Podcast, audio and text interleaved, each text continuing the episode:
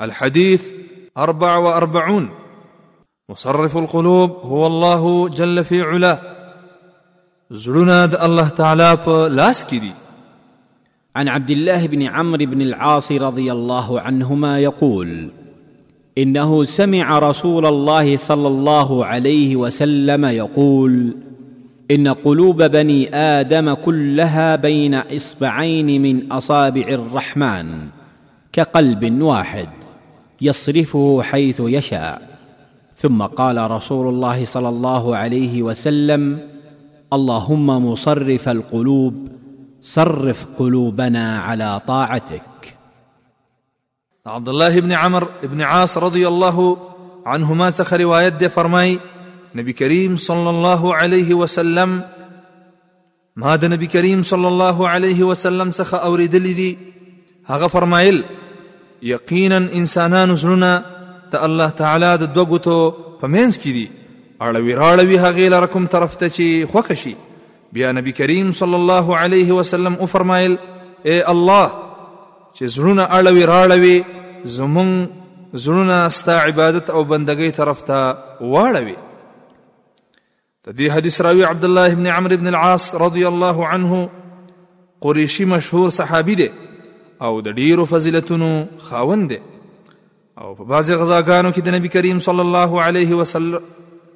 او په بعض غزاګانو کې د نبی کریم صلی الله علیه وسلم سره هم شریک شوی دی عبد الله ابن عمرو ابن العاص رضی الله عنه ډیر خوخيار او په کتو غي بکارونه سر تر رسول ځکه خو معاويه رضی الله عنه دلاره په کوفه باندې والي مقرر کړ د حدیثو په کتابونو کې د دنه د نبی کریم صلی الله علیه وسلم وسوا احادیث نقل دي د په مصر کې په مسجد فسطاط کې په مسجد عمرو بن العاص سره مشهور دي احادیث بیانول او فتوا به هم ورکوله د ده نه د مصر شام او د حجاز ډېرو خلکو علم زده کړو او په کال پنځه شپېته هجري کې په مصر کې وفات شو او بعضې علما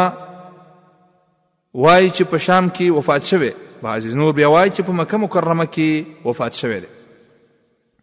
من فوائد هذا الحديث د دې حدیث د فوائدو څخه اول دا حدیث لارښوونه کوي چې انسان باید هغه اسباب اختیار کړي کوم چې بنده لره په دین باندې کلکوي ځکه چې ټول کارونه الله تعالی د اسباب سره تړلي دي